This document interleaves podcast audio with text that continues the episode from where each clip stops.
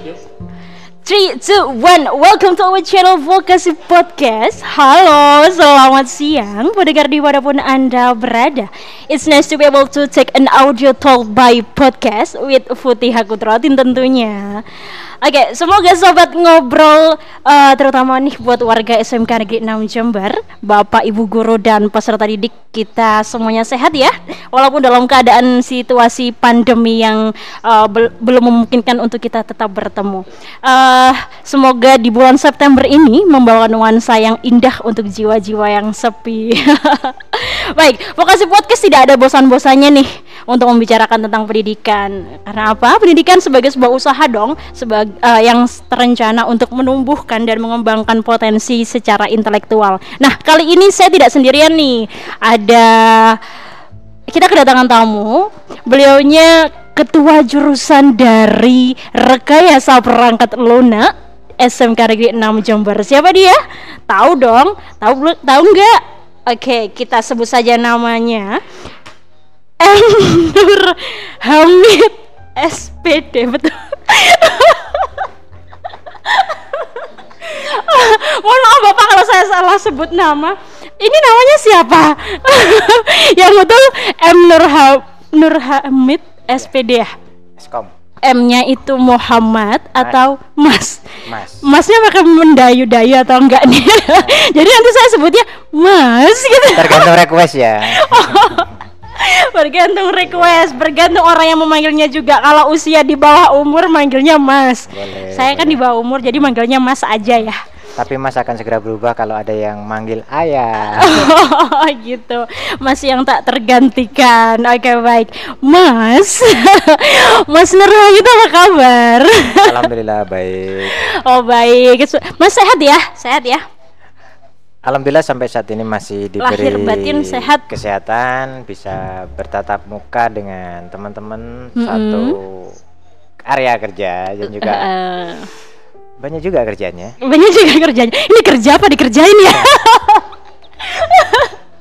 Aduh, oke baik ngobrol nggak seru kan kalau nggak rame. Oke, jadi eh, kita juga pengen tahu dong siapa sih Pak Nur Hamid ini sebenarnya, apa profesinya dan katanya yang banyak pekerjaannya itu apa sih kerjanya gitu kan? Oke, Bapak Nur Hamid sekarang kesibukannya apa nih Pak untuk di bulan ini? Eh, Alhamdulillah untuk bulan September ceria Mm-mm, ini nggak terlalu banyak seperti tahun-tahun sebelumnya karena hikmah adanya pandemi ini. Mm-mm. Kalau dulu-dulu bisa dihitung jari kapan saya di sekolah ketemu anak-anak, sekarang Iya. bisa dihitung jari Jadi cuy. kapan saya di luar kota. Oh, kapan di luar kata? Oh. Itu hikmahnya pandemi. Jadi eh, bagi kalian yang masih punya Mm-mm. job, masih banyak kerjaan, bersyukurlah karena di luar sana belum tentu eh, mereka bisa sesibuk kalian, belum tentu mereka juga punya harapan ke Ya, masa betul. depan. bersyukur itu Iya, harus harus apa pun Iya, yang terjadi. apa pun yang terjadi oke Eh, bapak Nurham Mas mohon maaf lupa lagi ya Mas oke jadi bapak Mas Nur bap, ma- bapak kok pas- masih Mas ya seharusnya ya mohon maaf saya belum terbiasa dengan sebutan Mas gitu karena memang eh, oh nggak nggak perlu cerita juga. Ini kan yang mau diwawancara kan Pak Nur Hamid gitu kan. Oh Mas Nur Hamid. Aduh lupa lagi. Mohon maaf Mas. Eh, jadi nengnya di sini juga grogi ya. Oke Mas Nur Hamid. Eh, sebagai ketua jurusan rekayasa perangkat lunak. Rekayasa. Ini rekayasa atau beneran sih Pak? Gitu kan. Rekayasa perangkat lunak itu apa sih Pak? Jadi di luaran sana sebenarnya saya juga punya banyak teman dan kita mungkin masih awam ya atau tetangga yang eh, belum memasuki me- pendidikan menengah atas. Jadi mereka masih bingung juga untuk menentukan masuk di di sekolah apa SMA atau di vokasi atau di SMK mengenai RPL nah jadi RPL ini apa sih Pak sebenarnya? Ya, terima kasih waktunya Neng Putiha. iya Mas. Eh, sedikit saja. Ha-ha. Cerita ke masa lalu. oh gitu Jadi oke. sebenarnya saya nggak ingin jadi guru ya. Mm-mm. Eh, saya pengennya cari uang yang banyak. cari uang yang banyak Tapi seiring perjalanan Ustadz saya bilang iya "Eh, guru itu enak, dapatnya double, dapat pahalanya, dapat duitnya juga. hmm Nah dari situ ya cobalah lamar-lamar nah ternyata terdampar di SMK 6 Pertama kalinya iya SMK 6. nah kemudian eh, waktu itu masih Hokage pertama ya Pak Ahmadi ya Masih pada Hokage tahun pertama. berapa itu, Bapak? pada tahun 2009 nah Pak 2009. Ahmadi ini Hokage kedua Pak Ahmadi ya setelahnya Pak Kuko ini Oh Ya. iya, Nah, terus. kebetulan seiring perjalanan lanjut ya. Saya jadi Hokage yang keempat. Kayak jadi gitu, saya menjadi gerombolannya ketua ketua gerombolan dari RPL ini yang keempat. Baru saja Baru saja Iya. di tahun 2009 itu tadi. di tahun Enggak. 2018 19 2009. Lama. tahun 2019. Oh, Sebelumnya Pak Lukman kan. oh Nah, iya. eh, banyak juga yang bikin saya ya ketawa sih boleh nggak ya? Boleh lah. Jadi banyak orang tua siswa itu ketika ditanya, Bapak Ibu Heeh. putranya jurusan apa? Jurusan komputer. Loh, jurusan komputer yang mana? Karena di sini ada dua. Heeh. Itu Pak yang ngetik-ngetik. Lah, perasaan yang ngetik-ngetik itu bukan jurusan komputer juga sih. Mm-mm. Di kantor pos juga ngetik juga. Juga ngetik juga. Nah, akhirnya apa sih yang disebut rekayasa perangkat lunak? Ya. Intinya, kalau saya ngasih gambaran ke orang awam adalah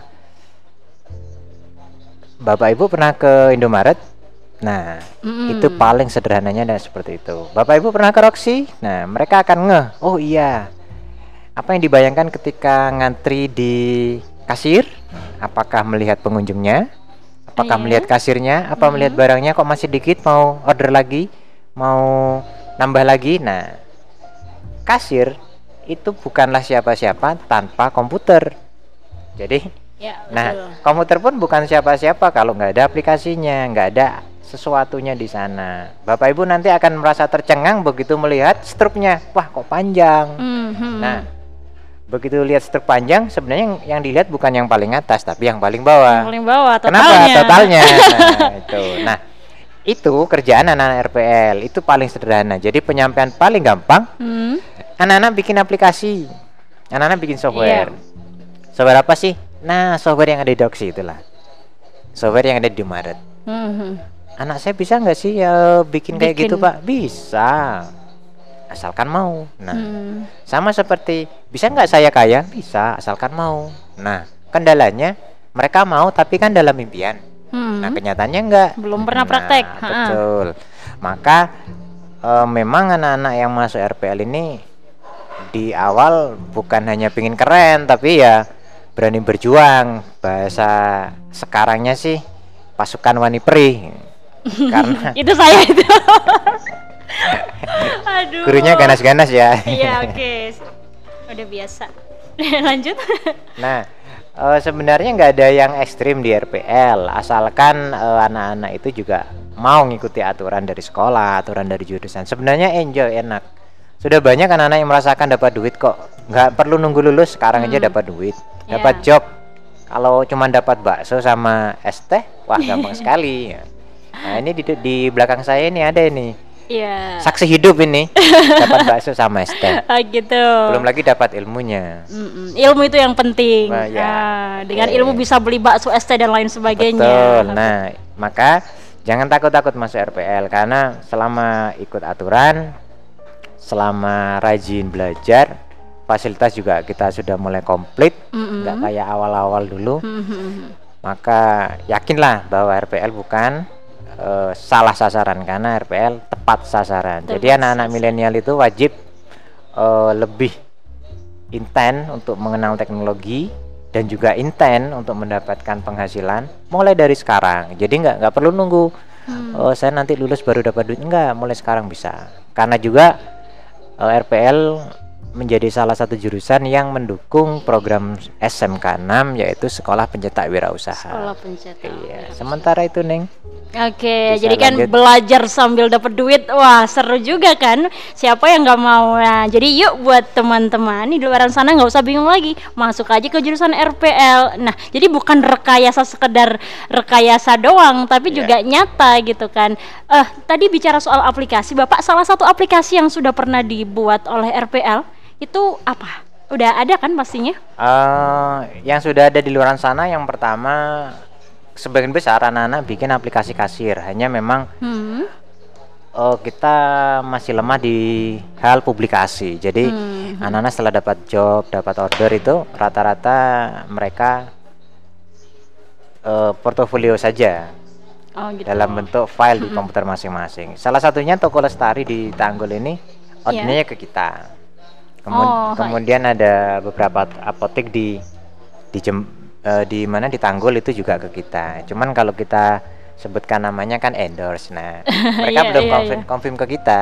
Mhm, Kalau Oke sudah betul. confirm nanti kita endorse. Oke baik. Eh, em, aku mau ngomong apa tadi? Project yang sekarang lagi progres ada juga yaitu absensi online. Jadi mungkin Bapak Ibu yang Nah yang tertarik nih yang pengen. tertarik, Ha-ha. misalkan Bapak Ibu ini oh, UKM Memudahkan. atau mungkin sekolahan, zaman now kan nggak boleh masuk sekolah, nggak boleh kerja dari kantor, tapi Hmm. dari rumah.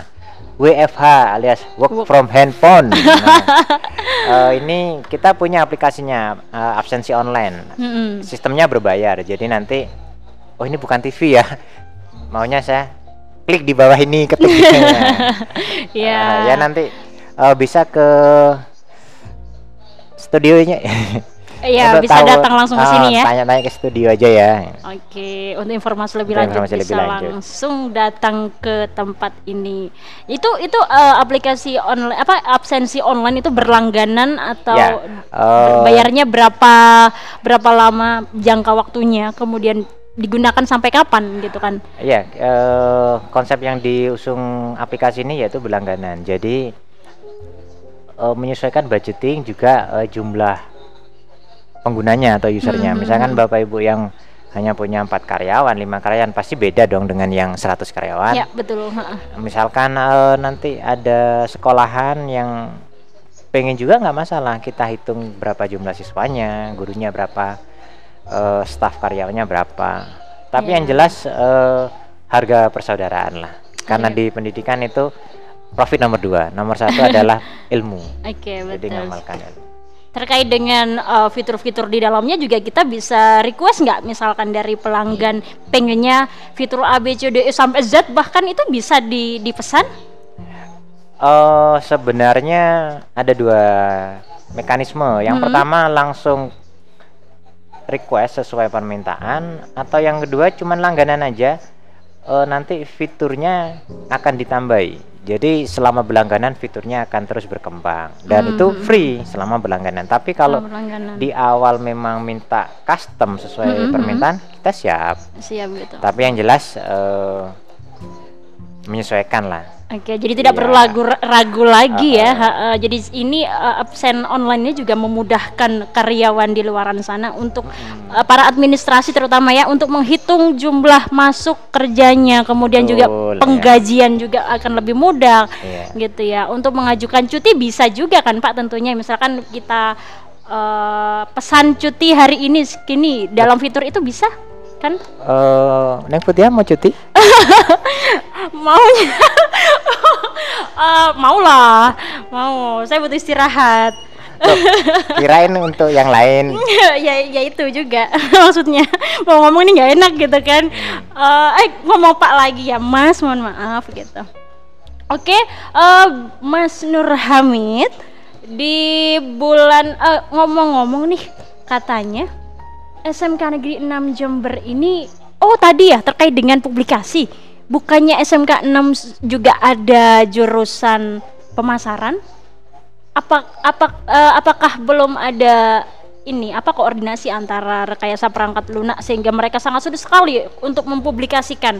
Jadi alangkah baiknya mungkin eh, bekerja sama dengan BDP ya bisnis jaringan pemasaran. Itu sejauh mana sih Pak? Kok masih belum publikasinya belum ke mana-mana? Eh, memang bisa jadi karena faktor kesibukan ya. Kemudian juga eh, rata-rata anak-anak yang di RPL itu modelnya memang di belakang meja. Jadi mereka kurang begitu suka dengan publikasi. Padahal publikasi itu versi milenial sekarang sangat penting. iya. Nah, itulah yang perlu kita garap ke depan.